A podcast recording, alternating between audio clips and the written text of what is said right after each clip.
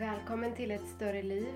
Podden för personligt växande, gemenskap och medveten hälsa. Jag heter Leila Andersson och det här är avsnitt 22 om stress, sömn och andning med Sandra Aggemo och Anders Lönnedal. Sandra arbetar som stress och livscoach och Anders är banbrytande i sitt arbete inom psykofysiologi där lymfsystemets funktion och andningens påverkan på vår kropp och hälsa är i fokus. Hur det hänger ihop kommer vi tillsammans med berättelser ur Sandras och Anders egna liv få höra mer om alldeles strax. Det här avsnittet presenteras i samarbete med yogatrender.se för det senaste inom yoga, yogaevent och yogamusik. Följ yogatrender.se på Facebook eller gå in på hemsidan för att inspireras och motiveras till ett större yogaliv. Avsnittet presenteras även av Trinity Yoga Studio i Sundbyberg. Ett center för yoga, spiritualitet och personlig utveckling mitt i hjärtat av Sundbyberg. Den 13 januari slår studion upp sina dörrar med invigningsfest. Gratis yoga, tävlingar, mingel och massa annat. Gå in på trinityyoga.se och läs mer om festen men också om vårens yoga, workshops och andra event. Terminen startar med Hatha Flow, yin-yoga, mindfulness, yin och yang-yoga. Varmt välkomna till mattan på Trinity Yoga Studio i Sundbyberg.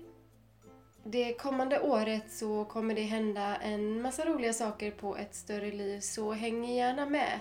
Vi finns på ettstoreliv.se eller ett större liv på Facebook eller sök på Leila Andersson på Instagram så hittar ni allt där. Man kan nog söka på ett större liv på Instagram också.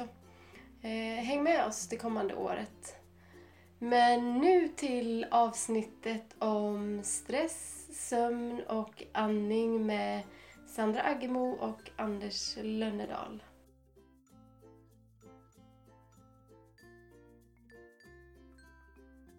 Välkomna till podcast för ett större liv, Sandra Aggemo och Anders Lönnedal. Vi sitter i Nordiskt näringscenters lokaler och ikväll ska ni ha en föreläsning här som handlar om stress, sömn och andning. Jag kommer vara med på den föreläsningen för att eh, alla de tre sakerna intresserar mig jättemycket och jag är superintresserad på hur ni flätar ihop det. Eh, det kommer också vara temat i podden för eh, ett större liv handlar ju om personligt växande, gemenskap och medveten hälsa.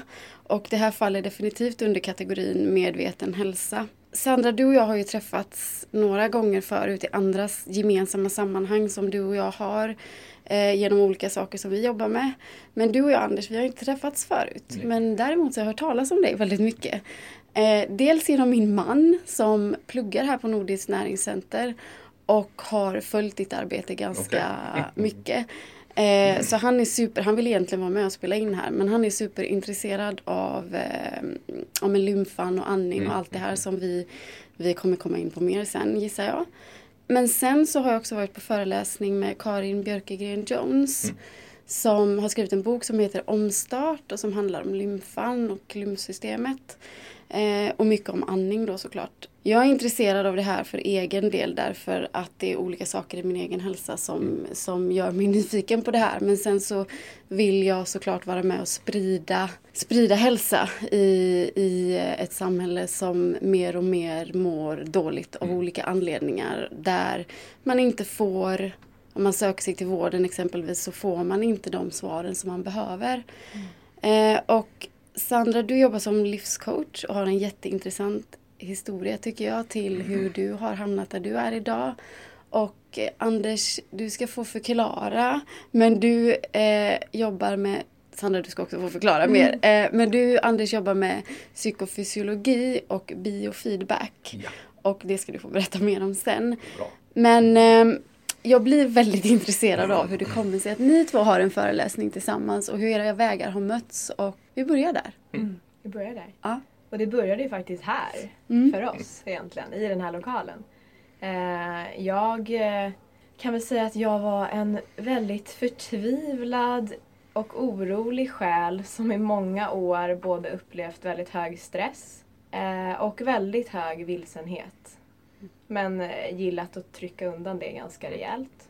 Och eh, jag tror egentligen att min, min jakt blev i form av att jag inte egentligen orkade känna det jag kände. Mina känslor blev för kraftiga för mig att ta hand om. Så jag sökte mig då till olika, ja men, vår, inom vården, hade ju mycket spänning, alltså man hamnade ju hos många olika både terapeuter och jag var egentligen, hela mitt liv bestod egentligen av att läka mig själv och det känns som att jag sprang mellan olika instanser. Bara för att hitta svar på varför jag mådde så både fysiskt och psykiskt dåligt. Eh, och eh, det kommer jag också säkert komma in på sen men jag eh, hamnade i ett läge där jag började med psykofarmaka, antidepressiva. Mm. Men fick ganska snabbt en känsla av att jag inte ville äta det på lång sikt. Jag såg inte hållbarheten i det. Mm. Jag såg inte riktigt vad det skulle göra för mig på lång sikt och hur det kunde hjälpa mig att faktiskt på riktigt må bra och leva ett långt och hållbart liv. Mm. Och då av en händelse så lyssnade jag på eh, en av Anders inspelade podcast via Hälsosamt. Mm. Där det pratas mycket om både återhämtning men också om psykofarmaka, antidepressiva. Hur det påverkar oss och hur, eh, huruvida det eh, ja, men vad som händer i våra kroppar egentligen. Både vid stress och när vi intar psykofarmaka. Och jag blev så nyfiken på Anders. Jag tänkte jag slänger iväg ett mejl. Jag vill träffa den här människan. Kanske är han den som faktiskt tillsammans med mig själv såklart, för jag är den största spelaren i det, kan genomföra någon form av längre och hållbar eh, ja, men förändring egentligen. Och också hade jag en längtan att sluta med antidepressiva. Mm. Så då började vi i hörnet här nere i Nordiskt mm. näringscenter och gjorde massa spännande mätningar och eh, Anders hjälpte mig att lägga upp en hållbar och lång plan för hur jag skulle fasa ut mm. mitt antidepressiva. Mm. På olika sätt. Och det har ju också då med andningen att göra, mm, olika tekniker. Hur vi jobbade då, eller hur? Precis. Så det är inte så våra vägar flätade samman. Mm. Eh, jag som klient och Anders som eh, ja, terapeut egentligen mm. som skulle hjälpa mig. Mm. Mm. Och från det så sitter ni här nu och ska ha en föreläsning tillsammans. Mm. Och Anders, mm. din, din, version av hur ni möttes? Ja, det är ju lika. lite. Ja. Åt samma håll då givetvis, mm. fast jag, jag satt ju på andra sidan bordet. Och just de, eh, det finns alldeles för många duktiga tjejer förstår du. Och där sitter ju en då, du har, har säkert en framför mig också. Oh, yes. Ja. och det är ni som åker dit idag. Det är ju inga eh, egentligen som börjar med psykofarmaka till exempel bara för att de längtat efter det. Nej. Utan det är faktiskt för att döva någonting. Mm. Jag har ju också ätit det. Ja. Det har jag då aldrig mm. gjort. Men jag har ju jobbat med väldigt många människor nu då mm. som faktiskt klarar av att trappa ner och sluta. Mm. Och jag sökte ju med ljus och lykta faktiskt efter ett sådant program. för Jag träffar ju väldigt mycket människor som sagt och eh, de allra flesta frågar ju att jag vill sluta med de här. Och, mm. eh, hittade då till slut ett program i USA, The Road Back. Då, där mm, mm. Eh, grundaren till detta då, en väldigt seriös herre som heter James Harper, forskar mycket. Mm. Och jag vill ju inte ha något, om man säger system som var något eget hittepå utan jag vill ha bra på fötterna. Om man säger så. Och hans vision är också det att folk ska kunna sluta det finns produkt, eller så här, programspecifika tillskott och sånt som man ska använda. Men min första fråga till honom då var, är det nu så här att vi ska byta ett piller mot ett annat och man ska mm. äta dem resten av livet? Mm. Nej, sa han.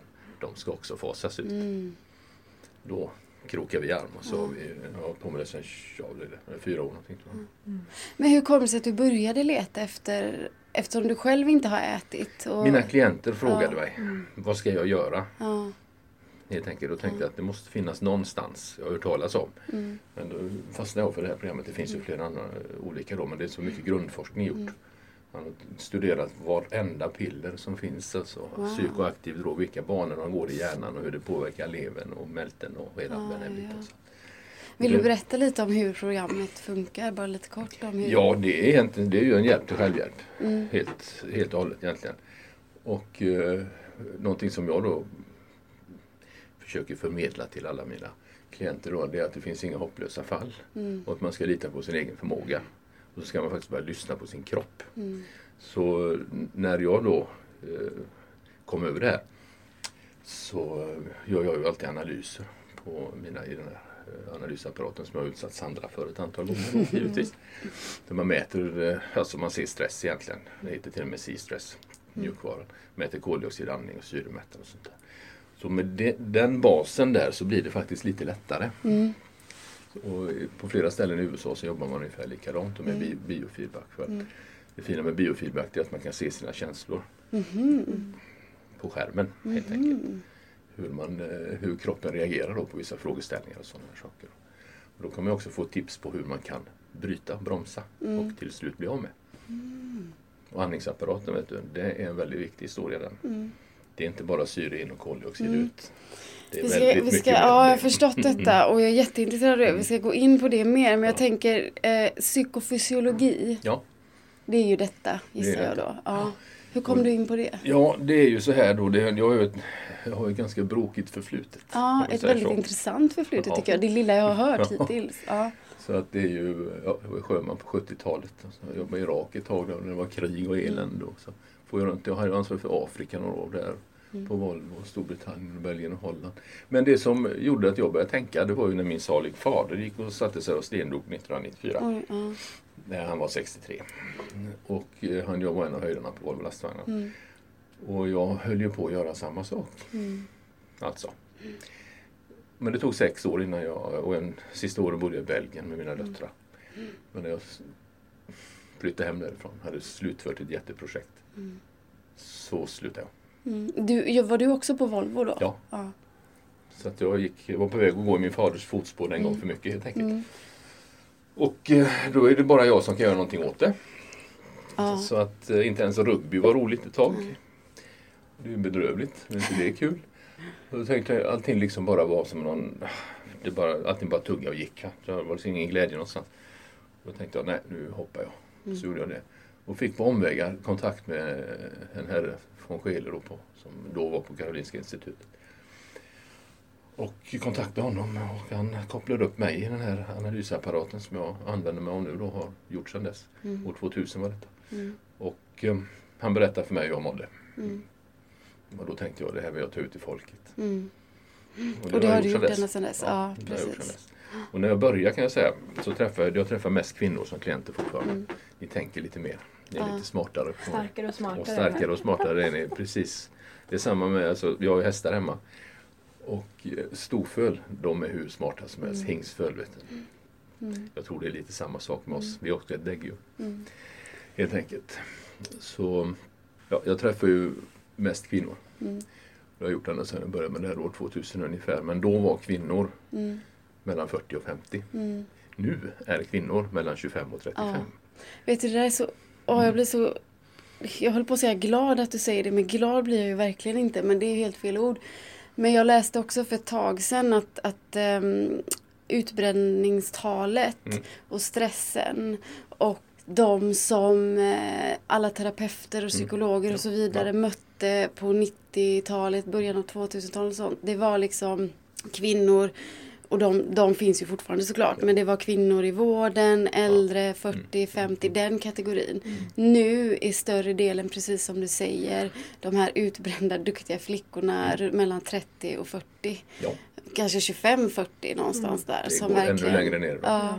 Jag träffade faktiskt för ett par veckor sedan eh, två unga kvinnor. Den ene 15, den andra 16 som har gått så brak i väggen så de vet inte vad de Ja. heter knappt.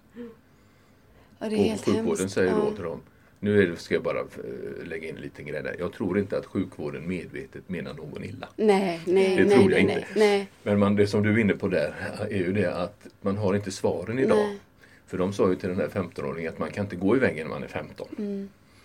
Mm. Och så får de, ville de ge henne psykofarmaka då givetvis. va. Mm. Sjukvården har liksom inte riktigt hunnit med. Nej, nej, nej, nej. Och det var som vi pratade om innan, att det är Mm. därför till exempel sådana här poddar har blivit så populära och det är därför Ja. sånt här är så viktigt. För här finns de där det finns inte kanske ett svar till alla utan det finns möjligheter till förändring och faktiskt historier och berättelser som, som talar om för dig att det finns hjälp att få och du, det går att förändra. Absolut. Och det är bland annat därför jag gör den här podden och det är därför jag tycker det är så intressant att höra era historier. Därför jag vill börja där för att höra eran väg och hur ni har gjort. Mm. Och du ska också få berätta en- så fort eh, Anders är klar med sin... Så fort jag är sin färdig. ja, precis. Just med här. bakgrund och historia. Du ska absolut få fortsätta prata mycket mer. Nej, men jag kan Men- ta, prata mm. färdigt om den, Mm. den biten då. Nej, det är ju så. Jag, alltså, jag träffar ju... Eh, Förra året hade jag var den yngsta jag jobbade med mamma och dotter. Mm. Och det var en nioåring med ångest. Mm. Idag ser man alltså stressreaktioner, grava sådana på dagis. Eller förskola heter det, jag vet. Mm. Jag, jag har en äh, dotter i förskoleålder och jag får alltid bita mig i tungan ja. och säga förskola för jag säger dagis också. Ja. Eh, men en sak som är intressant tycker jag då. Det är ju att det finns ju lagar och förordningar som bestämmer hur många smågrisar man får ha tillsammans. Men inte hur många barn. Nej, precis. För att om, om smågrisar blir för många, mm. hade, när mina barn var så så hade vi lite, alla djur utom häst. Ja. Jo, då börjar de bita varandra. Mm. Mm. Bita knorrar och öron och mm. sånt. Mm. Vad händer på dagis när de är för många då? Mm. mm. Då börjar samma sak. Vi är nämligen ett däggdjur det också. Mm. Det har samma funktioner i våra hjärnor, samma reaktioner. Och små barn är ju närmare däggdjuret än vad män, vuxna är i hjärnan. Är inte lika utvecklade om vi säger så. Och det tycker jag är bedrövligt. Jag har ju också då ett, eh, ett förflutet framförallt inom frivilligförsvaret. Jag trodde jag skulle bli militär en gång i tiden. Och eh, om man tittar på en militär pluton, det är ungefär 30 pers. Då måste man ha en, en plutonchef, en ställföreträdande plutonchef, fyra gruppchefer och fyra ställföreträdande gruppchefer för att ta hand om 20 vuxna. Mm. För att man inte ska missa någon. Mm. Mm. Vi borde lära oss lite där. Ja, verkligen. Ja. Mm. Så det är inte konstigt att det blir oreda. Och att man, väldigt många barn börjar må dåligt redan mm. där. Mm. Det, det gagnar ju inte folkhälsan på sikt. Nej, verkligen inte. Men jag måste fråga, så himla intressant med ditt perspektiv på det. Nu kan det vara så att, att jag har den här uppfattningen just för att jag är så mycket i sådana här samtal och jobbar ja, med det jag ja, gör. Ja. Men jag har fått en känsla av att vi håller på att vakna upp. Har du samma uppfattning? Ja, mm. det har jag. Det har jag. Det, det, är väldigt många och jag får ju, ja, tack vare poddar. Ja och sånt och givetvis. Jag visste inte vad en podd var för två år sedan. Så att nej, knappt jag heller faktiskt. Nej, men, så ja. det har ju liksom drabbade mig som ett slag i huvudet. Nej, jag märker ju att det är väldigt många. Mm. Och det är väldigt stort intresse för utbildningar och föreläsningar mm. och sådana saker. Och väldigt många som mm. frågar. Mm. Och väldigt många som vill kunna själv. Mm. Alltså, det, handlar, det jag jobbar med är egentligen att, att ge Sandra här till exempel ja. redskap. Man måste se klienten eller patienten som en resurs. Ja, exakt. Och förstärka dina egna förmågor ja. helt enkelt. Så kan man behöva lite hålla handen och lite stöttning på vägen. Men till syvende och sist så ska man klara sig resten av livet själv. Mm. Varken vara pillerberoende ska man inte vara. Man ska hålla sig från både piller och skalpeller. Mm. Så mycket man kan. Men jag håller helt med dig där att det, mm. det börjar vakna. Mm. Och det är ni kvinnor som gör det. Mm. Ja, det där är så jädra häftigt för att mm. jag, med tanke på vad jag jobbar med och det jag gör och dessutom då eh, har börjat eh, tillsammans med en annan tjej hålla i kvinnoevent och cirklar för mm. att liksom stärka den förmågan. Så jag blir fortfarande, när någon säger det du säger, så blir jag lika chockad varje gång för att det är på något sätt så det har legat så långt bort ifrån mig som ändå mm. håller på med det nu. Att det liksom att det är den här vägen vi verkligen behöver gå. Det är så självklart på ett sätt men på ett sätt så blir jag lika chockad varje gång jag hör mm. någon säga det du säger. Men det, det känns som att det verkligen det, det, är ett uppvaknande och det är verkligen den feminina principen som kommer leda det. Matrilinjärt ska mm. vi leva, inte matriarkat. Och mm. sätter man en på toppen och så blir allt som vanligt. Jag har lite kompisar bland Nordamerikas ursprungsbefolkningar som har oh. lärt mig väldigt mycket. Oh. Kan inte du säga det där igen? Matrilinjärt. Balans. Mm. Alltså. Mm. Matrilinjärt Sandra. Ja, exakt, det ska vi lägga Det tar vi med oss till fredag. Ja. Ja, det finns precis. en om ni är intresserade av att lyssna på eh, en, en av mina husgudar. Ni har många husgudar. Ja. Han heter Russell Means mm. och Lakota. Han är tyvärr död nu. Mm. Men han har väldigt mycket att säga. Mm. Och han har en filmpodd. Mm. Väldigt många. Men den, den, som jag tycker är, ni alla kvinnor borde lyssna på heter Universal Law. Mm. Russell Means Universal Law. Okay. Definitivt. Den ska ni mm. lyssna på. Så får ni ännu mer om det matrilineära.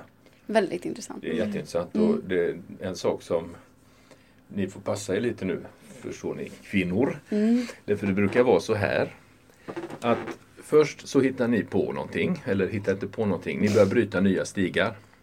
Det brukar ni göra. Mm. Yes. Mm. Och sen när det blir allmän egendom så går vi gubbar in och tar det. Mm. Det ska ni inte göra den här gången. Hela planeten behöver er, förstår du. Ja. Eller förstår ni? Det är så.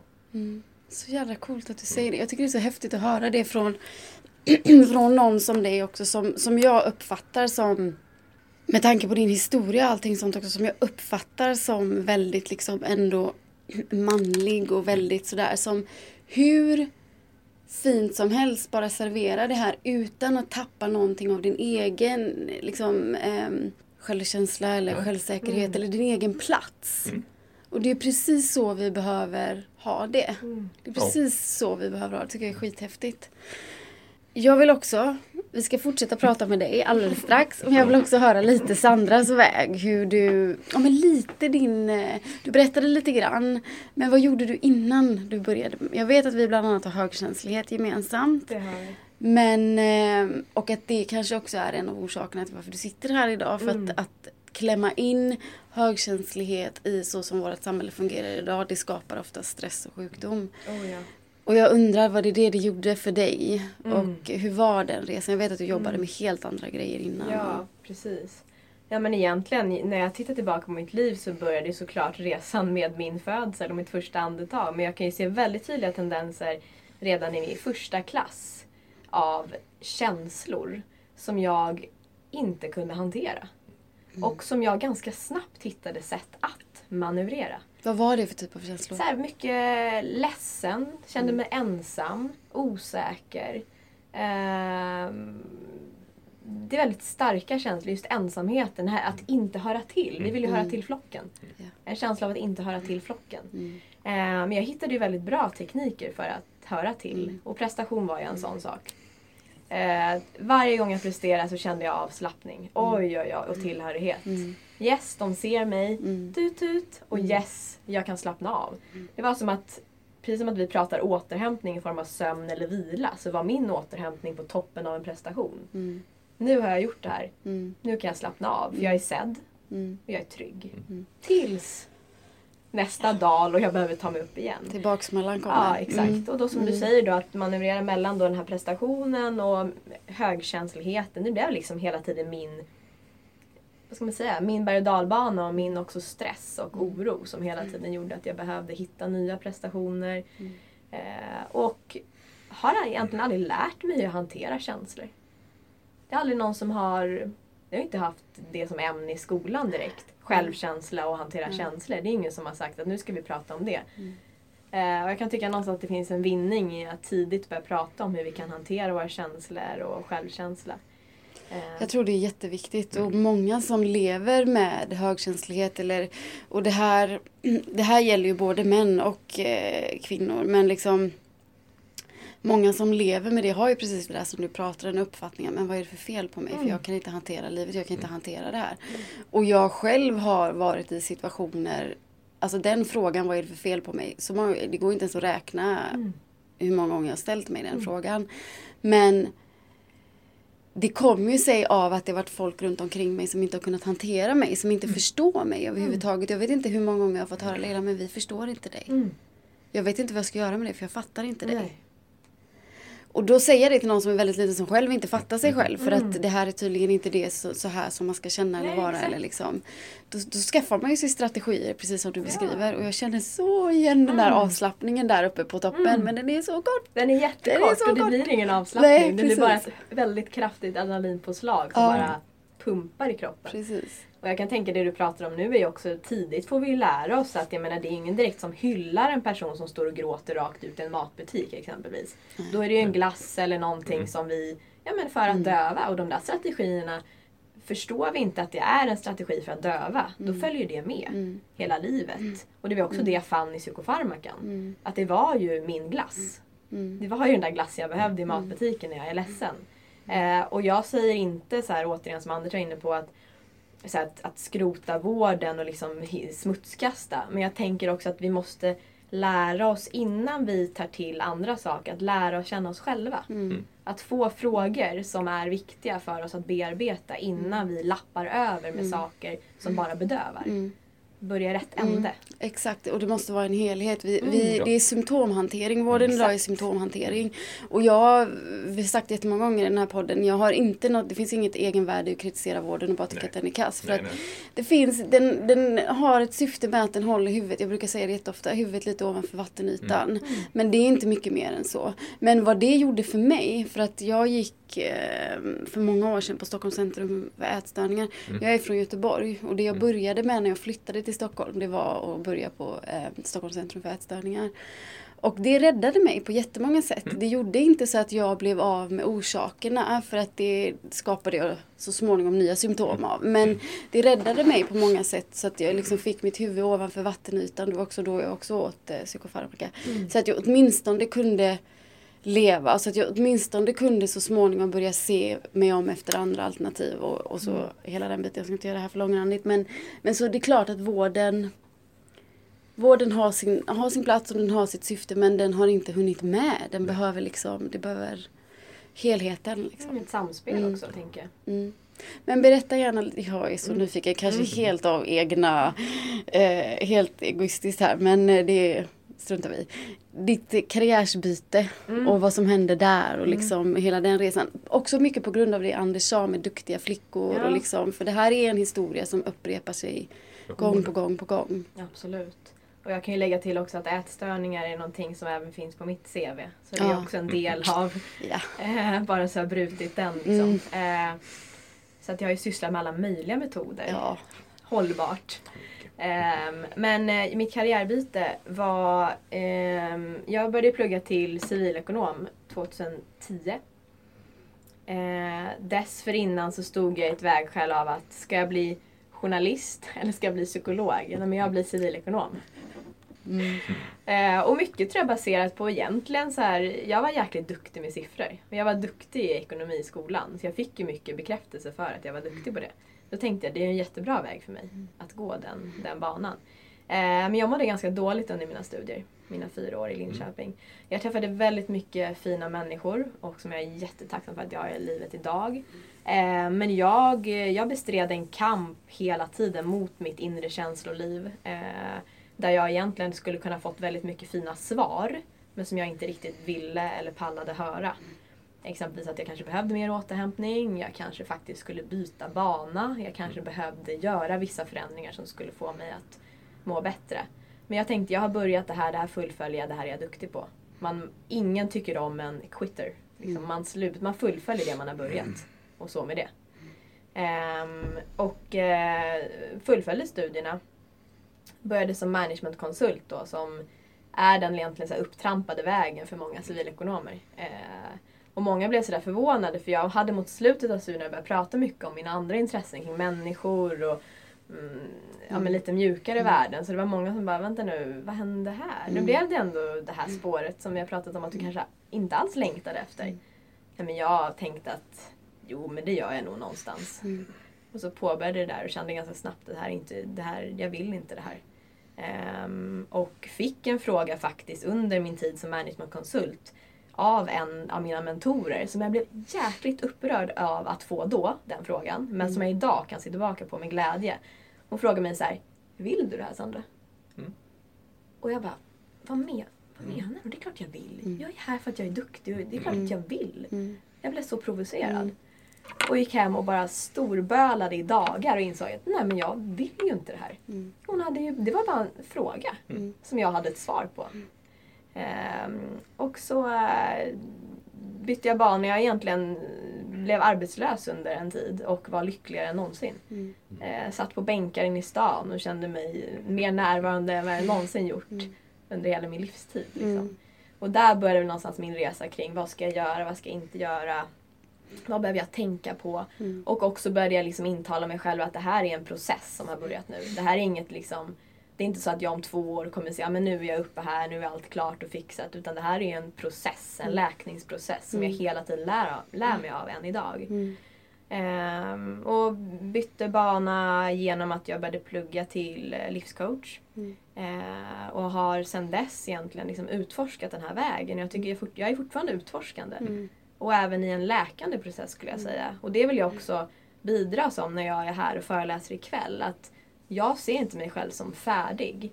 Jag ser mig själv på en liksom utforskande resa där jag tillsammans vill få med människor som vill stanna upp, lyssna till sitt känsloliv, lära oss tillsammans hur vi kan hantera våra känslor eh, och gå samman för mer hållbara resultat egentligen. Och det är väl någonting också som vi brukar prata om ganska ofta i den här podden. Förlåt. Just det här, verkligen lite slå hål på den här myten att man ska bli klar någon gång. Mm. Och att målet är att bli klar. Och att liksom snarare skifta till att det är, det är hela tiden en process. Mm. Det är mm. hela tiden ett, ett liksom pågående varande som mm. hela tiden bara liksom förflyttar sig lite framåt, lite framåt, mm. lite framåt. Det är liksom inte riktigt, det finns inte något färdigt. Liksom. Och min upplevelse är också längs hela den processen så kommer vi, hur mycket verktyg vi än har, hur mycket vi än har gjort. Och trillar man lite åt vänster, oj då, vänta det här blir lite knas. Och sen trillar man lite åt höger, nej det här blir inte så bra. Alltså det kommer mm. hela tiden vara sådär. Liksom. Och det tycker jag är så fantastiskt fint att vara öppen med. Speciellt om man har väldigt många duktiga flickor som lyssnar på det här. För att då mm. kommer de känna att, ja ah, men okej, okay, men den här, då kan jag, om kunde hon så kan jag också. Men fortsätter med sitt lite perfektionsmindset att om jag ska perfekta mm. att även göra det här. Mm. Det finns inget perfekta att göra det här. Det är verkligen en, en resa i att släppa taget om att vara perfekt. Helt sant. Så um, jag vill bara poängtera det. Men jag tyckte det var också intressant att du sa det här med um, det här med att du egentligen inte ville. Mm. Och um, min erfarenhet av den här vägen och det här som du har gått igenom är att det som är absolut farligaste för oss, det är det vi är bra på. Yep. För att det som var min stora, stora, stora fälla eh, och min kära svärmor kallar det för honungsfällan och jag tycker mm. det är så himla bra. Det var verkligen att vara duktig mm. och att jag förvirrade det jag var duktig på med det jag ville. Mm. För det var verkligen så här att, ja oh, men gud jag är så duktig på det här, det är klart att jag mm. vill det här. Mm. Det, det, måste ju återigen vara något fel på mig som inte vill det här om jag nu är så duktig på det här. Exakt. Och därför så blir det som att man, man eh, overridar, mm. jag kan inte ett bra svenskt ord för det just nu, mm. sin vilja med sin duktighet. Mm. Och, och, och, man förvirrar de två och tänker att det är samma sak. Mm. Men i mitt fall var det verkligen inte samma sak. Men jag valde det som jag var duktig på för det borde vara samma sak. Och det var till slut det som drev mig till att jag var tvungen att liksom stanna upp och fundera på hur mår jag egentligen. Så att, och jag känner igen det lite i det du säger och det tycker jag också återigen kan vara ganska viktigt att liksom poängtera att det är inte samma sak och det kan vara jädrigt lurigt. Och det är en enkel väg ja. också. För mig också insåg jag att mycket av mitt görande kom ju från att jag kände mig ganska trasig. Mm. Och då blev ju också mitt agerande utgick inte från att jag kände mig hel. Utan jag kände mig värdelös. Därför måste jag göra saker mm. som gör att jag känner mig bra. Precis. Och där blir ju också mitt görande, det, det kommer inte från en ren plats av att jag har ett värde. Utan jag måste ju agera och göra där har jag ett värde. Och det var väl mm. också den här avslappningen mm. som kom då. Mm. För då har jag gjort och har fått bekräftelse och då är jag hel och värd att älskas. Det, det... Men det är också därför den avslappningen blir så kort. För att du måste ju hela tiden återförnya ditt ja, värde då. Och det blir, så det blir väldigt liksom... Heltidsjobb. Ja. 100 procent. Jag minns. Ja. Mm. Men tack snälla för att du delar den historien och du också Anders för att det här är så viktigt tycker jag att, liksom, att, att få ut. Eh, för att ofta många gånger så kanske man sitter och tror att återigen, vad är det för fel på mig? Jag är ensammast i världen om det här när det mm. verkligen inte är så. Nej, nej, nej. Förr i tiden så sa man ju så här på latin, cogito ergo sum. Jag tänker, alltså är jag. Mm. Nu har man bytt ut det till labora ergo sum. Jag gör, alltså är jag. Mm. Det är ditt fall. Mm. mm. Vi ska alltså duga precis som vi är. Mm. Och det är väldigt kreativt att sitta still ibland mm. och ha tråkigt. Ja, verkligen. Och vänta in. Mm. Jag behöver inte alltid forcera. Mm. Själen måste hinna ikapp. Mm. Mm. Oh, gud vad kul att säger det. Själen måste hinna ikapp. När jag kom hem från min resa nu. nu alltså, och så här är det nästan varje poddinspelning jag spelar in. För många gånger kan det vara så att jag inte riktigt känner personerna. Och så blir jag så okej okay, men vad ska, oh, hur ska vi oh, knyta ihop det här och sådär. Och sen när man börjar prata så bara, mm, okej okay, nu förstår jag. Mm. Men när jag kom hem från den här resan nu så blir när man gör en sån ganska ordentlig resa som, mm. som både blir liksom en resa i det yttre men också i det inre så mm. skapar det ett tomrum när man kommer hem. Då pratade jag med en kompis om det som, mm. som verkligen också uttryckte det så. Men stanna kvar i tomrummet och vänta in själen ja. så att den hinner med Mm. Det är så himla fint uttryck. Mm, jättefint. Mm. Men okej, okay, men eran föreläsning nu då ikväll som jag som sagt ser jättemycket fram emot. Stress, sömn och andning. Berätta. Hur hänger det ihop? Varför är det viktigt att koppla ihop? Kopplar ni ihop det och hur föddes den här föreläsningen? Mm. Men föreläsningen föddes ju egentligen av att vi, när vi träffades liksom första gången så då började ju min resa mm. någonstans. Och Anders berättade mycket om sin resa. Och vi hade väldigt så här, trevliga, förutom att jag fick mycket hjälp och så, så hade vi väldigt så här, härliga eh, samtal som var givande. Eh, och så var det någon gång vi pratade, så här, jag vet inte om det var du eller jag som nämnde att vi kanske borde hitta på någonting tillsammans. Mm. För vi hade mycket gemensamt men också mycket som kanske också man upplever att vi inte skulle ha gemensamt. Mm. Så här, men vet, som ålder, man, mm. kvinna. Mm. Och då började vi liksom också, när, ju mer vi pratade om det så började man också se så här, men wow, det kan finnas ett värde i att fusionera oss två. Mm. Både då så här, man, kvinna som jag sa och sen åldersmässigt. Att det kan liksom attrahera olika olika grupper. Och sen att vi har helt olika vi tror på liksom andning och återhämtning som redskap men att jag kommer in kanske lite mer med pratar mer om mina personliga erfarenheter, hur jag blev mm. hjälpt som klient. En ganska sårbar historia. Eh, och jobbar idag som coach och så vidare. Och där Anders också kan komma in med både personligt perspektiv men i ett kliniskt syfte. Att mm. så här, det här hände mm. i Sandras kropp. Ja.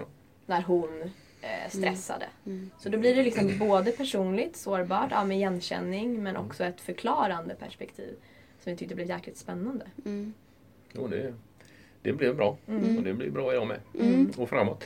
Det är, det, är lite så här att, eh, som jag ser det då, så det finns ju alldeles för mycket gamla gubbar som pratar väldigt mycket, eller hur? Det finns några ja. det finns, ja, några finns några. Nej, jag känner mig inte så gammal faktiskt, även om jag har fyllt 61. Mm. Och jag har ju bestämt mig för att inte dö nyfiken, så att jag är inte färdig jag heller. Mm. Och, eh, men när det nu drabbar det här samhället, det drabbar så väldigt många unga, framförallt kvinnor, mm. så är det ju väldigt bra om unga kvinnor kanske får prata med en som har varit eh, mm. jätteduktig och som mm. tog sig ur det. Mm. Helt enkelt. Det blir lite trovärdighet. Man mm. kan, mm. alltså min uppväxt var helt annorlunda än din, eller er till exempel. Det var, gick inte så fort när jag var liten på 60-talet. Det var en helt annan värld. Och det är det som har krånglat till det för oss. Så vi har glömt en sak. Och det är, vi är faktiskt att vi är biologiska varelser. Vi har mm. samma reaktioner i oss som alla de andra djuren. Vi är ett flockdjur, ett extremt flockdjur är vi. Mm. Vi är världsbäst i Sverige på ensamhushåll. Mm. Beröring får vi inte. Det behöver bara både vara fysisk och psykisk om vi säger så. Och då, det, det, skapar ohälsa. Det skapar vilsenhet. Och det värsta man kunde göra med en människa förr i tiden var att göra dem fredlösa, sparka ut dem från gemenskapen. Mm. Jag tänker prata ju lite sånt ikväll då mm. givetvis också. Mm. Så att det, jag tycker det är väldigt intressant då att prata om de här sakerna som vi mm. nu ska prata med Sandras perspektiv också. Framförallt med den resan hon har gjort. Mm. Jag har ju inte gjort den på samma sätt alltså. Mm. mm. Men jag var en liten udda figur när jag var liten också. Jag, hade, jag tyckte om att gå i skogen. Jag tyckte mm. inte om att spela fotboll. Mm. tyckte det var fullständigt meningslöst. Mm. Men sen fick jag en avlång boll i handen en gång och då ah. förstod jag att det var det jag skulle göra. Rugby blev min grej där då. Så jag hade inte så mycket kompisar och så. Så hade jag säkert fått någon diagnos som det hade varit idag. Mm. Helt enkelt. Nej, så att eh, vi har ju liksom två olika perspektiv då. I och med att jag har jobbat med Sandra mm. så som klient då så blir det ännu mer intressant att följa dig lite grann. Mm. Vad, hur blev det sen? Mm. Helt enkelt. Mm. Så kan vi liksom köra ihop oss här och mm. få dels din personliga biten tycker jag är väldigt bra. Den är mm. väldigt stark. Och sen kan jag ju förklara vad det är som händer i kroppen. Mm. För det är samma system du, som går igång i våra hjärnor och våra kroppar när vi tycker saker och ting är kul. Mm. Det är därför det blir den där honungsfällan. Ja, mm, man ska inte sova om man är omgiven av vilda djur och hemska fiender. Vi är en biologisk varelse, vi har samma system som alla de andra har och det är faktiskt det som bestämmer. Mm. Om jag säger bör till dig så du blir jätterädd mm. så sker det saker inne i dig omedelbart. Mm. Så här. Mm. Och det är massa system som kopplar ner. Till exempel sköldkörteln. Man behöver inte tänka på sin egen lunch om man är på väg att bli någon annans. Mm. Helt enkelt. Mm. Så det tar vi imorgon. Mm. Samma, man blir inte så parningsbenägen heller. Och eh, det är inte så lätt att det tar sig heller, den vanliga vägen om man säger så. Då. Mm. För äggstockarna, hela könskörtelapparaturen som är väldigt krånglig och avancerad i kvinnor givetvis. Mm. koppla ner mm. helt enkelt. Svårare än så är det inte. Mm. Kroppen lägger ner helt ja, enkelt. Den, mm. Mm. För att förbereda dig på kamp och flykt. Och den reaktionen är förprogrammerad i oss. Men den har liksom eh, en sisådär en tre minuter max. Mm. Och sen två dygns återhämtning på det. Mm. Och, det är det som och sen blir... kan du köra en gång till. Ja. Mm. Det är det som blir avancerat i dagens ja. samhälle. Att det finns ju inte serverat att få de här återhämtningarna. Ja. Det är inte inbyggt i vårt samhälle. Så vi behöver skapa det själva och därför kan det också bli ett jobbigt motstånd. För det, mm. det, det, det är inte välkomnat på samma sätt att göra det. Precis. Eh, och snarare så blir det ju en syn som att det är lite jobbigt om man är den som behöver det. Mm. Eller det ställer till lite problem ja. och det stör i ordningen och sådär. Så, att det är ju inte riktigt så. Och det kan jag uppleva, det har jag också pratat om många gånger, men det kan jag uppleva väldigt mycket från mina tidigare arbetsplatser och sådär. Att det absolut bästa exemplet det är det här med ställtid efter möten. Ja. Jag kan inte gå från, det har jag också sagt tusen gånger så förlåt till alla som har lyssnat på flera avsnitt. Men jag kan inte gå från möte till möte till möte till möte. Ja. För det, jag fixar inte det. Medans det är jag upplevde i alla fall att det var många andra kollegor som kunde det. Men de kanske inte heller kunde det. Nej. Men liksom det var bara någonting som man skulle klara av. För man hade inte ens eh, vad heter det, makt över sin egen kalender utan man blev kallad till möten. Mm. Och det är liksom, om man då var den som sa, fast vänta nu, mm. jag behöver minst en halvtimme här emellan, mm. jag fixar inte det. Då var bara det lite jobbigt för det fanns ju inte tid att stoppa in mötet någon annanstans. Mm. Så kan du inte bara play along och så trycker vi in mötet här. Exakt. Om man tänker då på hur våra hjärnor funkar. Mm. Om du sitter och fokuserar på någonting och jag kommer och stör dig. Mm. Bara någon minut sådär. Mm. Så tar det ungefär 20 minuter för din hjärna att hitta, hjärna att hitta fokus igen. Mm, så det är fullständigt korkat att springa på det sättet. Mm. Det är en sån typisk gubbgrej. Mm. Att man liksom ska, det ska vara lite macho sådär. Och så mm. jag ska orka. Mm. Nattmanglingar till exempel är det mest dumma ja, som det. finns. Mm. Det är tuppfäktning om någonting. Mm. För människan är inte ett nattdjur. Våra hjärnor funkar inte så bra då. Så blir det ju fel beslut också. Mm. Ja det blir det några gånger. Ja det gör det. Ja. Och det, det skulle man egentligen lägga in då i, om man tittar på företag. Jag tycker många företag och organisationer och sånt där idag då de är på tal om ätstörningar anorektiska. Mm. De äter sig mm. själva helt mm. enkelt. Men så är det verkligen ja. ett jättebra uttryck. Mm. För det har jag också pratat om flera gånger. Just det här att de är så himla slimmade och effektiviserade. Ja. Och en liksom faktisk konsekvens av det blir ju att till exempel när man har, om, låt säga att någon i ett team säger upp sig, vilket händer i mina team jätteofta. Ja. Då anställer man inte någon ny utan man bara fördelar om teamet lite grann. Och så gör man så. En efter person efter person som säger upp sig. Och helt mm. plötsligt så sitter en person och gör fyra personers jobb. Ja. Så att det blir ju, det är, de är verkligen anorektiska. Ja, och, så, och så länge mm. personen då ställer upp på ja. detta så tror eh, de som sitter våningen ovanför att det funkar. Mm. Mm. Och kärleken till arbetsplatsen, ska ni veta, mm. är väldigt sällan besvarad. Mm. Man är alltid utbytbar. Mm. Så är det. Det, det, är, verkligen, det är verkligen precis så det är. Jag har en, en sån liksom direkt egen erfarenhet av det. När jag själv, när jag sa upp mig. Eh, när jag liksom hade kommit till en punkt där det här funkar inte längre, jag måste säga upp mig. Så säger min chef som jag säger upp mig till, så säger hon Bra att du ser efter dig själv. För det kommer vi aldrig göra. Vi kommer alltid se efter oss. Mm. Det var, hon sa det rätt ut så. Det var ärligt. Det var väldigt ärligt. Mm. Eh, och vi hade en bra relation. Och det var liksom inte på något, det var inte så. Men hon var bara, och det var kanske därför hon sa det. Ja. Men hon var bara väldigt liksom ärlig på det sättet. Mm. Att det finns liksom ingenting att hämta här. För att vi kommer alltid fatta de här besluten som leder till det här. Så du måste välja för dig. Liksom. Jag kommer aldrig glömma det samtalet, det var så häftigt. Wow. Men eh, okej, okay, så jag vill tillbaka till er föreläsning. Det så, finns så mycket intressant saker att prata om hela tiden så att det är liksom, vi skulle kunna hålla på forever and ever. Men, ja precis. Men sömn, stress, sömn och andning. Och jag gissar Anders att det är du som, som pratar mycket om andningsdelen. Mm. För man kan säga att du är lite en, en expert på hur ja. det fungerar och varför det är viktigt. Mm. Vill du prata mm. lite om det och berätta lite om? Ja, det tycker jag är rätt. Jag, fick, eh, jag hade en animerad diskussion på en föreläsning.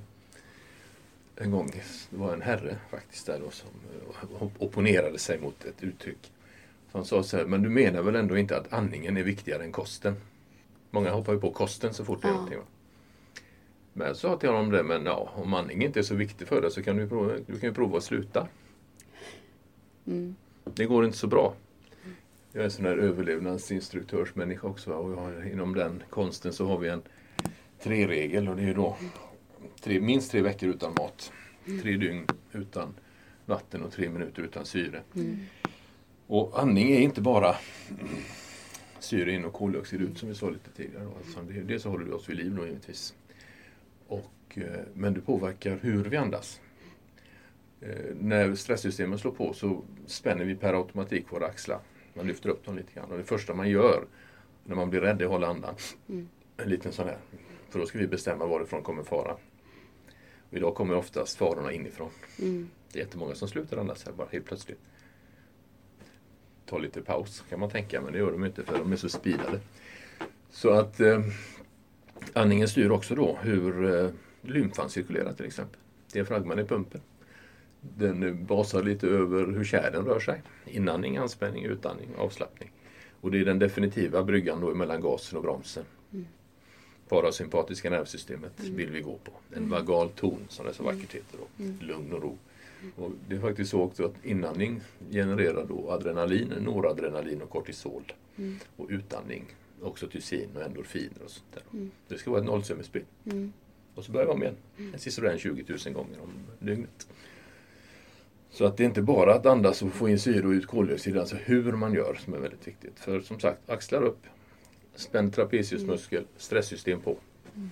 Och så börjar vi andas bakvänt, det är ett begrepp mm. mm. inom eh, stressforskning och sånt där. Mm. Att man andas in och lyfter bröstkorgen. Mm.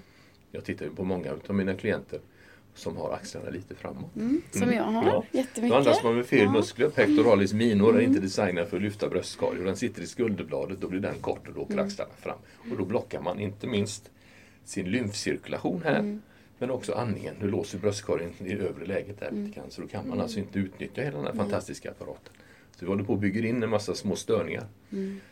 Och det är, jag har ju föreläsningar också då som jag kallar för du mår som du andas. Mm. det gör du faktiskt. Mm. Så man andas precis som man mår också. Mm. Du andades ju inte så bra när vi träffades Nej, första gången exakt. Sandra. Det var många både symptom och annat som vi mm. upptäckte. Ja. Ja. När vi träffades. Och det var ju verkligen det här du pratade om med den bakvända andningen. Bara, mm. okej okay, jag kan hitta kraften från andningen här nerifrån men inte här. Och min bröstkorg var ju hård. Det var ju som en korg alltså. Den hade ju ingen det. flexibilitet överhuvudtaget. Eh, det var ju häftigt att känna när den liksom började bara få vidga sig. Mm. Ja, det, man låser in mycket känslor där också. Ja, precis. Men så det här med att andas bakvänt, det tycker jag är så fascinerande. För det känns ju jättekonstigt bara att höra det begreppet för någon mm. som inte håller på med andning. Men, men det handlar alltså egentligen om att vi ska andas in och ut från nedre delen av magen istället för att lyfta. ska röra sig. Det är ja. viktigt. Alltså, det är den enskilt största muskeln vi har. Mm. Och den är lite komplicerad för den är både, det finns ju olika muskeltyper då. Hjärtat mm. är ett alldeles eget. Eh, sen har vi ju skelettmuskler. Mm. Och sen har vi ju glatt muskulatur. Mm.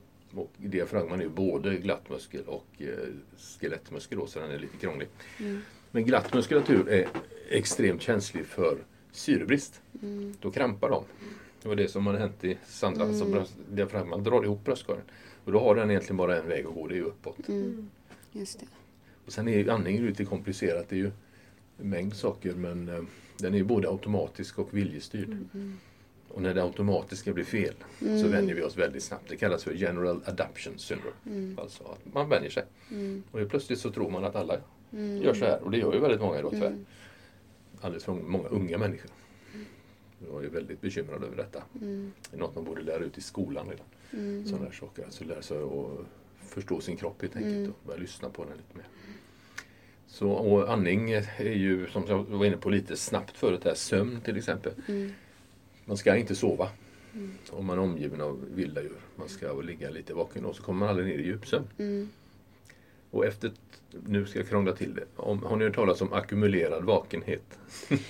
Nej! Nej. Berätta gärna. Störd sömn. Ja. Störd sömn. Jag tycker det är så roligt. Man ska ja. hitta på sådana här ja, snajsiga ord. Liksom, sådär.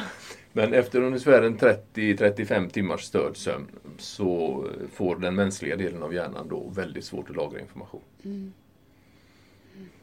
Mm. Det är många som eh, har störd sömn idag. Mm. Det är jättemånga. Det är ju en folksjukdom. Ja, liksom. och det är, en, det är, en, reaktion på att vi har glömt det där med att vi designade för skogen. Mm.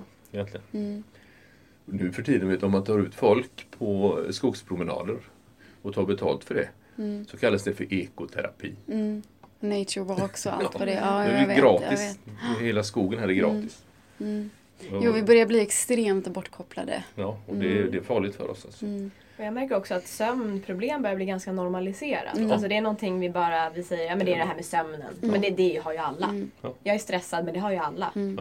Som att det vore legitimt då. Det är lite statusprat Ja, nästan men också. så. Mm. ja. Jag Mm. behöver minsann inte. Mm. Sen är det där med sömn lite individuellt också. Jag är ju sådär Självklart. oanständigt morgonpigg. Jag är Mm. till och med född 04.14. En stor pina för alla kompisar genom åren. morgon. Ja, jag brukar vara det här med att vara ute och testa. Mm. Då, jag brukar vakna fyra, halv fem. Mm. Den viktigaste delen av sömnen är i början och det är de första tre, fyra timmarna som man går ner i djupsömn och sen Mm. så kör ju REM-sömn och sånt där och lite drömmar igång. Då. Mm. Så då är man lite mer aktiv även om man ligger och sover. Men djupsömnen är extremt viktig. Mm. Och faktum är att det är hur du andas då som du kan alltså reglera ner dig. Mm. Många som eh, jag jobbar med efter ett tag de upptäcker ju att eh, sömn är en ganska vanlig biverkan, att den Mm. blir bättre. Mm. Helt enkelt. Och då blir man ju lite piggare. Mm. Då kan man börja fatta rätt beslut. Och vissa Mm. saker, vi kallar ju väldigt mycket för sjukdomar Mm. idag. Men eh, väldigt mycket av det vi kallar för folksjukdomar det är just reaktioner. Ja, Det är syrebrist i varenda cell. Mm, just det. Ligger koldioxid fel till exempel så kan man inte syresätta sig. Mm. Och då funkar inte energiproduktionen. Det är jätteenkelt Mm. och väldigt logiskt. Kroppen är extremt logisk och väldigt förlåtande Mm. när man börjar ge den det igen då. Men vi vill gärna ha någon annan förklaring som Ja. inte gör att vi måste förändra någonting. Just precis. Mm. Det har jag hört många gånger. Jag vill att du ger mig ett piller så jag kan fortsätta precis som vanligt. Mm. Mm. Men det går inte. Nej. Kärnproblematiken Ja. är ju kvar. Mm. Och det är så med mycket, man tänker psykofarmaka som vi var inne på förut, att man stänger av. Mm. Och det kan vara, vara helt okej i en akut fas. Mm. Och sen så ska de bort. Då. Det är ju kärlek och omtanke människor Mm. behöver. Mm. Och någon som lyssnar, någon som ser, någon som bekräftar, någon som tar på kanske. Lite grann sådär. Mm. Så man får lite lugn. Precis. För att det, vi är som sagt ett, ett däggdjur och vi, vi är väl det enda däggdjuret vad jag vet som ibland får för oss andas med munnen. Det är inga andra som gör det. Nej. Hästar kan springa hur fort som helst bara andas med näsan. Det är flera nu som har börjat testa springa På det maraton med ja. tejp Ja. över munnen bara för att se. Så det är en hel vetenskap där. Så. Mm. Men hundar gör väl det? Nej, de, de, fläm, de, ja. de flämtar, de, Mm. de kyler ner sig. Ja, precis. Så är det ja. Och det Och- försöker ju små barn göra också. Om mamma och pappa Mm. fryser och klär på dem massa, massa kläder lägger dem i en barnvagn. Mm. Då börjar de också andas med munnen Mm. för att kyla ner sig. Helt enkelt. Mm. Det är inte bra. Mm. Nej. Men okej, men om sömn är en sak som påverkas väldigt mycket. Vad är det mer vi kan liksom påverka för att må bättre med hjälp av liksom en, en djupare andning och bättre andning? Ja, Vad är det- du, vad är du, de- får- du får ju bättre flöde till, den, eh, till dina pannlober till exempel. Där du ska vara kreativ och analytisk och visionär. Mm. Och det är en sak som sker då vid, vid stresspåslag. Det är att den, om man säger då, den eh, mäns, högre delen av hjärnan och den mänskliga delen av hjärnan får faktiskt mindre blodflöde. De Mm. kopplar bort lite grann. Och det är, det är liksom fysiskt. Mm. Vi är inbyggda så. Men då i väldigt korta explosiva omgångar ska vi köra, inte hela tiden. Och det, det bryter ju ner oss och det blir som jag sa förut en mängd olika folksjukdomar. Höga blodtryck till exempel. Mm. Det är vi jättebra på. Att få folk, man ser hur kärl, jag mäter ju sånt också, hur kärl jobbar till exempel. Mm. Och där är det lite så med väldigt många som får medicinering mot detta då. När de egentligen bör göra en livsstilsförändring. Mm. Men som du sa förut så vill vi gärna att någon annan ska göra det Mm. för oss. Mm. För vi har liksom blivit drillade i det. Först så går man här och så kör man skiten ur sig. Mm. Och så blir man sjuk och så går man någon annanstans och ska bli frisk tror Mm. man. Det är lite fel i det tänkandet. Alltså. Vi måste stanna upp lite och begrunda våra hyss helt enkelt. Mm. Vad, vad är det som har orsakat det här? Mm. Vad är min roll i det? Mm. Och också ofta, det det är ett annat jättebra exempel på det tycker jag är när man ska, när man har spenderat ett helt år med att stressa sig sönder och samman. Mm. Och det ska man eh, ordna på två veckors semester utomlands någonstans. Amen. Och så tror man att det, de två veckorna ska liksom ta bort ett helt Mm. års... Exakt. Mm. Ett helt års ackumulerad vakenhet. Ja, precis. Ett helt års ackumulerad vakenhet. Jag läste i, för jag har den här omstartboken med, jag har den till och med här, med Karin Björkegren Jones och där har hon flera sidor med, med prat och information från dig. Och där står det att om man andas nu ska vi se så att jag säger rätt här. Men att man ska andas fyra till sex andetag per minut om man andas enligt vad du tycker. Stämmer vid vila, det? Vid vila. Vid vila. Jag, Ja, jag tänkte nästan att det var vila för det var min nästa fråga för jag testade det här hemma. Mm, Och jag håller ju på mycket med yoga och Ja. där får man ju liksom lära sig att djupandas Mm. och sådär. Och, och liksom Utmaningen är ju verkligen så fort man får upp pulsen lite grann att behålla det. Liksom. Men, men, men att jag testade när jag satt på soffan bara rakt upp och ner igår. Och då är det relativt enkelt att hålla mig till fyra andetag på en minut. Men så fort jag börjar göra saker så blir det så. Om man ska se hur andningen egentligen ska fungera då så ska den ju, om man ska prata lite sånt där avancerat, den ska ju möta de metabola kraven.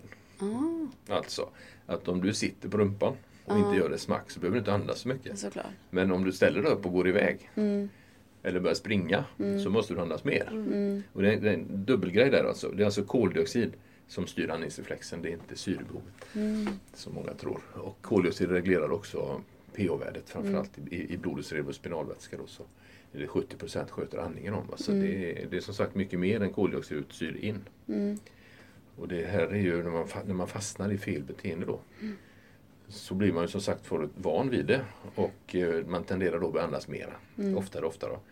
Och väldigt grunt. mm, Så ett vanligt eh, andetag när du bara sitter där och inte gör någonting, det kanske bara är en halv liter. mm, Behöver inte mycket mer då. Men ställer du dig upp och börjar och köra svikthopp så får du andas lite mer. mm, precis, såklart. Mm. Det är lite så. Så att vi, vi vill andas i 8 till 12 sådär helt okej då. Åtta Det är till mildare, tolv. akt- Mm. mildare aktivitet. Då. Mm. Sen med andning då. Det är ju så att eh, hyperventilering känner ju de flesta till. Mm. Och det frågar jag alltid om vad är det för er och om andas här uppe. Mm. Men medicinskt sett så är det låg koldioxidhalt. Mm. Så man kan alltså djupandas och hyperventilera, det går jättebra. Mm. Och det är en av de sakerna som jag mäter. Mm. Det Är det vanligt? Ja, det är jättevanligt. Ja. Mm. Typokapni kallas det för. Om man ska, en, det var en diagnos förr i tiden. I Storbritannien så jobbar de fortfarande med det. Och det, ja, det ska jag säga något tillgalet. Man har knutit 1400, ungefär 1400 psykiska och fysiska störningar till hypokapni. Wow. Mm. Det är nästan alla våra sjukdomar. Mm. Det låter helt galet. Men om man förstår vad som händer. Det är ju det att det finns inte syre så det räcker i cellerna. Helt enkelt. Energiproduktionen funkar inte. Mm. Och när vi springer och flyr för livet behöver vi inte tänka på våran lunch som jag sa förut där. Så att näringsupptaget blir ju sämre också. Mm. Och tarmperistaltiken drar ner, tarmarna blir av med ungefär 50% av blodflödet. Wow. Ja, Mm. och då blir vi ju sjuka Mm. till slut. Mm. Och det tycker jag är så eh, beklagligt idag då att man inte tittar till alla de här bakomliggande mekanismerna. Mm. Helt enkelt. För jag har ju mängder av människor genom åren där och jag har alldeles för mycket att göra. Men som på ganska kort tid börjar må- må väldigt mycket bättre. Mm. Helt enkelt. Mm. Men för att de får i sig lite mer syre, cirkulationen ökar. Har du upptäckt att folk tycker att det är svårt att ta till sig att det ska vara så enkelt som andningen? Och Ja. att andningen styr så Ja. mycket? Eh, det kan vara lite så i, i början men sen eh, Mm. Så märker man ett snabbt resultat Mm. helt enkelt och då förstår man ju, oj då. Mm. Då min yngsta dotter var med mig och lyssnade på en föreläsning jag hade i Göteborg. Hon bor i Lund så hon kom upp där och sa jag måste lyssna på det, jag måste lära mig Mm. något. Och så fick jag ett mail från henne, eller ett sms ifrån henne. Så frågade hon så här. Nu när jag gör som du säger, andas som du säger, så har jag fått jätteont i bröstryggen. Varför har jag fått det? Därför att du är otränad där. Mm. Ja visst ja, det var för enkelt. Mm. sa hon då. Mm. Det borde jag kunna tänkt på själv. Mm. Jag har inte jobbat med den på så länge. Så det är ju, eh, men det är rätt. Vi- Det sitter mitt i ansiktet Ja. på oss. Och håller oss vid liv. Mm. Det första du gör när du kommer ut i denna jämmerdal, det är att ta ett andetag. Mm. Och det sista du gör är en lång utandning. Mm. Och ändå glömmer vi det. Och så glömmer du den. Mm. För att den är ju där. Mm. Jag andas ju. Den är så, vi tar den så för givet. Ja. I och med Liksom. att den är också automatiskt Mm. så är den ju också att Ja. den sker ju. Mm. Men Ja. frågan är hur den sker. Mm. Och så har vi byggt in. Har vi, vi har inte utvecklat samhället som jag brukar säga, vi har invecklat det. Ja. Vi är, Ja. vi är inte anpassade för detta alls. Nej. Och det Nej. syns ju idag då. Att många börjar falla ifrån helt enkelt. Mm. Och yngre och yngre blir de för varje år, mina klienter som kommer. Och det gör mig väldigt bekymrad. Hur jobbar du med att få ut, förutom att vara med i poddar och sånt, hur jobbar du med för att få ut budskapet mer? Du åker runt ganska mycket och har Jag föreläsningar. föreläser mycket. Mm. Det är egentligen det. Mm. Sen får vi säga det att eh, min, mitt intåg i poddvärlden då, Mm. hälsosamt där, Mm. jag hade ingen aning om att det kunde spridas så fort. Så himla bra. Det bara Ja. pang sa det. ja, så himla bra. Sen hittade vi varandra rätt bra, Carolina och jag. Mm. Det blir ju många poddar helt Mm. enkelt. Mm. Så där, så att det är folk fortfarande som lyssnar på den första. Ja, ja, ja. Det var ju så min man hittade Ja. till, eh, till dig också och Mm. satt och sträcklyssnade och liksom var helt fascinerad. Mm. Jättebra. Men och eran föreläsning som ni har nu, det är andra gången ni har den här och den var fullbokad förra gången och det är Mm. ganska, Ja. det är väl det, Det är princip idag också. Ja, Det. Och det visar ju vilket intresse det finns Mm. och också vilken lyckad liksom, kombination ni två är. Och lite oväntad men liksom lyckad kombination ni två är. Jag Och vilket viktigt jobb. där nu. Mm. Sorry. Nej, Nej. För eh, när Sandra hon frågade förra gången. Så här, när vi träffades några gånger så sa du Anders att kvinnor var mycket smartare än män. Vad menar du med det? Och så sa du, vi bara titta i, i lokalen och se hur många män är Ja, här. vi- det var väl en? En, ja. Nej, två var det. Ja. Det var min pappa och sen... så din gubbe va? Ja. Det är lite så. Mm. Så det är ni som är eh, avantgardisterna här. Mm. Alltså, det, sen är det så här också, ni, som jag säger ju alltid, ni kvinnor är väldigt starka. Mm. Otroligt uthålliga. Mm. Helt enkelt. Och det måste ni ju vara för ni ska ju bära nästa generation helt Mm. enkelt. En annan sak som jag har reflekterat mycket över sånt där vi jag sitter och pratar med folk det, det är ju det här med flockdjuret. Att vi är Mm. sånt. Och människan är faktiskt det enda däggdjuret som har så mycket hanar springande omkring. Det blir bråk då. Mm. Alla de andra bråkar när de Mm. blir för många. Mm. Jag lär mig mycket om människor när Mm. studerar hästar. Mm. Mm. Eller andra djur. Mm. Beteenden. Jag känner igen en del. Ja, jo, men det, och det är ju fler. Jag läste en jätteintressant bok eh, för inte så länge sedan som handlar om pengar och Mm. vår relation till pengar. Ja. Vilket, och liksom, boken i sig handlar egentligen inte alls om pengar utan den handlar så mycket om hur vi fungerar som människor och Mm, beteenden och ja. sånt. Och hon gjorde väldigt mycket eh, liknelser till djurvärlden på samma Ja. sätt som du gör. Och hur, hur vi faktiskt har ganska mycket att lära av att bara studera hur, hur det fungerar. Mm. Och också lära oss att förstå hur bortkopplade vi är från vår egen natur. Mm. Mm. Vi måste jorda oss igen. Mm. Det är jätteviktigt. Mm. Jag har en liten grej jag brukar visa på föreläsningar. Mm. Just det här med axlar upp. Mm. Men nej men om man eh, gör så här, det kan ni prova med någon hemma. Om man lyfter upp axlarna lite grann så. Och så kan man ta och så putta på dem. Då har man Mm. ingen stabilitet. Och så tar du och trycker ner axlarna så du får Mm. aktivitet i Mm. bröstmusklerna. Mm. Då får man ta i för Mm. att flytta dem. Så bara att du lyfter upp axlarna lite grann så tappar du liksom kontakten. Mm. Du står inte så stadigt på jorden då. Nej. Sant. Mm. Och det är bara så, åh, så härligt, oj vad häftigt, liksom, Ja, konstigt. mm. Så lite, Mm. Ja. så lite. Mm. Det räcker med en centimeter upp så tappar du Mm. kontrollen lite grann. Och det påverkar både fysiken och Ja, ja, ja. det psykologiska. Ja, det är ju sinnets brygga. Ja, Mm. det är så. Och det, Mm. nej, det, är, det är väldigt fascinerande så det blir väldigt kul ikväll. Mm. Ja, jag ser jättemycket fram emot det. Jag kom ju, bokade mig just för att jag är superintresserad och verkligen eh, jag hade velat ha med min man också men vi fick ingen, ba- ingen barnvakt. Men så det är rent liksom återigen egoistiskt och personligt. Men ju mer jag liksom har läst och ju mer jag har hört och så, jag känner jag nej men jag måste ju vara med och sprida det här så gott jag kan. Liksom, för att det är precis som du är inne på just att det kryper så långt ner i åldrarna också. Att vi, vi, vi behöver alla göra vad vi kan för att liksom prata mer om det här för att öka samtalet om de här sakerna. Verkligen. Så jag är jättetacksam att ni är med. Jag vill också fråga er vart ni, var man hittar er. Vad har ni på gång och vart hittar man er närmaste tiden? Ja du, ta du och börja. Eh, närmaste börja. tiden, mig hittar man, eh, man får jättegärna boka mig som coach. Eh, jag vet inte om vi kan lägga ut, jag har enklast bokat med mig via en mailadress. Mm. Eh, så även en hemsida. Mm. Eh, och eh, härnäst så ser ni mig här ikväll. Mm. Och till nästa år så är det mycket lösa trådar exakt Mm. där jag kommer hamna och Mm. hur. Eh, det är lite workshops på gång och eh, olika samarbeten. Mm. Men du har en hemsida också? Ja. Alltså vi lägger ut alla de länkarna så Bäst- folk hittar. Jag är mest levande på Facebook och, och Instagram Mm. faktiskt. Men hemsidan kommer också bli ännu mer levande till Mm. nästa år. Mm. Det är bra det. Mm. det Det är låter viktigt. bra. Ja. Ja. Och dig hittar man vet jag egentligen men du får säga det själv. Jag kan ju säga det själv. Ja, jag är stor kille. Mm. Kan själv. Mm. Jo, eh, jag finns ju också då givetvis på, på nätet. coolmind.se. Det är min hemsida. Den håller på att uppdateras och det görs ju kontinuerligt. Mm. Och det står också kalendarium och sånt där. Och en hel dag man kan kika på var jag, var jag är någonstans. Sen bor jag i Törboda. Där tar jag emot lite klienter. Det är lite fältmässigt här i skogen i och för sig. Det får man stå ut med. Och sen eh, slår vi väl upp dörrarna till en eh, ja, stressmedicinsk klinik helt enkelt. Och jag och min kollega Linda i Arboga. Mm. Som vi hittat. Första försöket hittar vi lokal på. Mm. Så det blir väldigt spännande och Ja. intressant. Så att det, är väldigt, det är mycket på gång. Mycket, mycket Mm. utbildningar, mycket föreläsningar. Mm. Jag har gått på export till Finland och sånt också. Ah, nu, vad alltså, det är jätte, jättehäftigt. Finland är, ligger om man säger, Mm. lite efter. vad Mm. gäller att tänka. Men de börjar också komma igång så det är jättekul att vara med och kunna. Gud vad påverka. spännande. Ja. Och sen eh, förmodar jag att Sandra och jag kommer att dyka upp i något sammanhang. Mm. Eller några gånger Ja. nästa år. ja. Det tror jag Kommer tycker jag. kommer. Mm. Jag kommer lägga ut alla länkar och sånt i eh, avsnittstexterna och eh, ja, men så att man enkelt hittar er.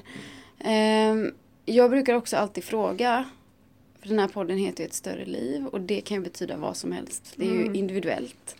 Men det är mycket som vi har pratat om med hälsa och utveckling och så vidare. Eh, och jag brukar alltid avsluta med att fråga mina gäster om tre tips för lyssnarna att leva sina största liv. Ja. Vad har ni för tips? Jag skulle ju vilja att människan, människor för att få både större och bättre liv, att de börjar lyssna. Mm, Kroppen pratar med oss hela tiden. mm, Och mina native americans som, som heter Skywalking Stick, han sa så här en gång att du förstår Anders att skaparen pratar med dig hela tiden. Det gäller bara att lyssna. Det kan vara att du går till vänster en dag och så träffar du någon. Eller du slår upp en bok och så ser du en textrad som Mm. ah. Och så vidare. Och så, vidare. så börja lyssna. mm, Det är Mm. jätteviktigt. Mm. Och, Ja. Precis, och du säger lyssna jag vill också poängtera att ställa frågor. mm, Eh, våga, våga sätta dig själv i en position där du inte känner att du behöver lösa en annan människas problem alla gånger. Utan snarare våga ställa en fråga. Men vad vill du? Vad känner du? mm, Hur skulle du vilja göra här? mm, Den här nyfikenheten som egentligen Anders är inne på. Att vi kan se så mycket runt omkring oss. Men vi bara vågar lyssna och ställa frågor och se andra människor. mm, Eh, Och sen tänker jag också mycket på det vi har varit inne på med andningen. Andningen symboliserar faktiskt någon, om man tänker ett större liv, så tänker Mm. jag ett andetag är ju vidgande. mm, Jag tänker samma sak där, att våga expandera. Mm. Våga ta det djupa andetaget på olika sätt, som vi Mm. även kommer visa här ikväll. Hur man kan jobba med det. Men att i det ingår det också att våga möta, göra plats för det som känns. Alltså Mm. expandera i alla olika möjliga vinklar. Att vad Mm. känner jag? Mm. Möta sina känslor. mm, Så att göra plats mm. tänker jag också är en väldigt en fin metafor tänker jag, till ett Mm. större liv. Absolut. Mm. Verkligen. Och tredje vill jag poängtera återhämtning Mm. som är en stående punkt i mitt liv. Yes. Som jag ibland springer ifrån Mm, och tror mig återhämta Mm. mig men jag är Mm. inte alls i återhämtning för jag är i krav. Eh, så att det kan vara sömn, det kan vara en vila, det kan vara mm, något annat där du hamnar i flow ute i Mm. naturen. mm, Någonting som känns kravlöst skulle Mm. jag säga. mm, Ja, absolut. Det, återhämtning det är dagens bibelord. mm. Mm. Ja men verkligen och jag är glad att du tog upp det Ja. igen också för du Mm. nämnde det förut och tänkte att jag ska fråga lite mer om Mm. det men det trillade ur. Det är som det är så, jag har väl sagt det några gånger att det handlar inte om att stressa mindre. Man Nej. måste återhämta sig mer. Ja. Mm, Det är inte jobba fyra dagar i veckan istället. mm, Det är inte, handlar inte om det. Du måste bygga in återhämtning. Mm. Och det är dels ett individuellt ansvar men det är också ett ansvar på, som vilar på företag till exempel. Mm. Och sånt där. Man måste lära sig att se och lyssna på sina mm, medarbetare. mm. Och, att det återigen inte räcker med få korta tillfällen av återhämtning Nej. som två veckor för att återställa ett helt år. Utan Nej, det måste det- vara Kontinuitet. kontinuerligt Mm. det liksom. måste byggas in Mm, Exakt. mm, ute i vardagen. Det både- En av mina absolut största utmaningar. Hur klok jag än kan bli intellekt, intellektuellt sett när det gäller återhämtning så är det en jätteutmaning för mig. Mm. Mm. Fortfarande. Mm. Toppen, tack snälla. Vi avslutar där och jag Ja. känner redan att jag har egentligen tusen till frågor. Men det är som du sa, det får bli ett, ett eh, till poddavsnitt helt enkelt. Ja. Ja, och vi ser fram emot föreläsningen eh, ikväll. Eh, ja, tack så mycket. Tack Tack själv. Tack. Jättekul.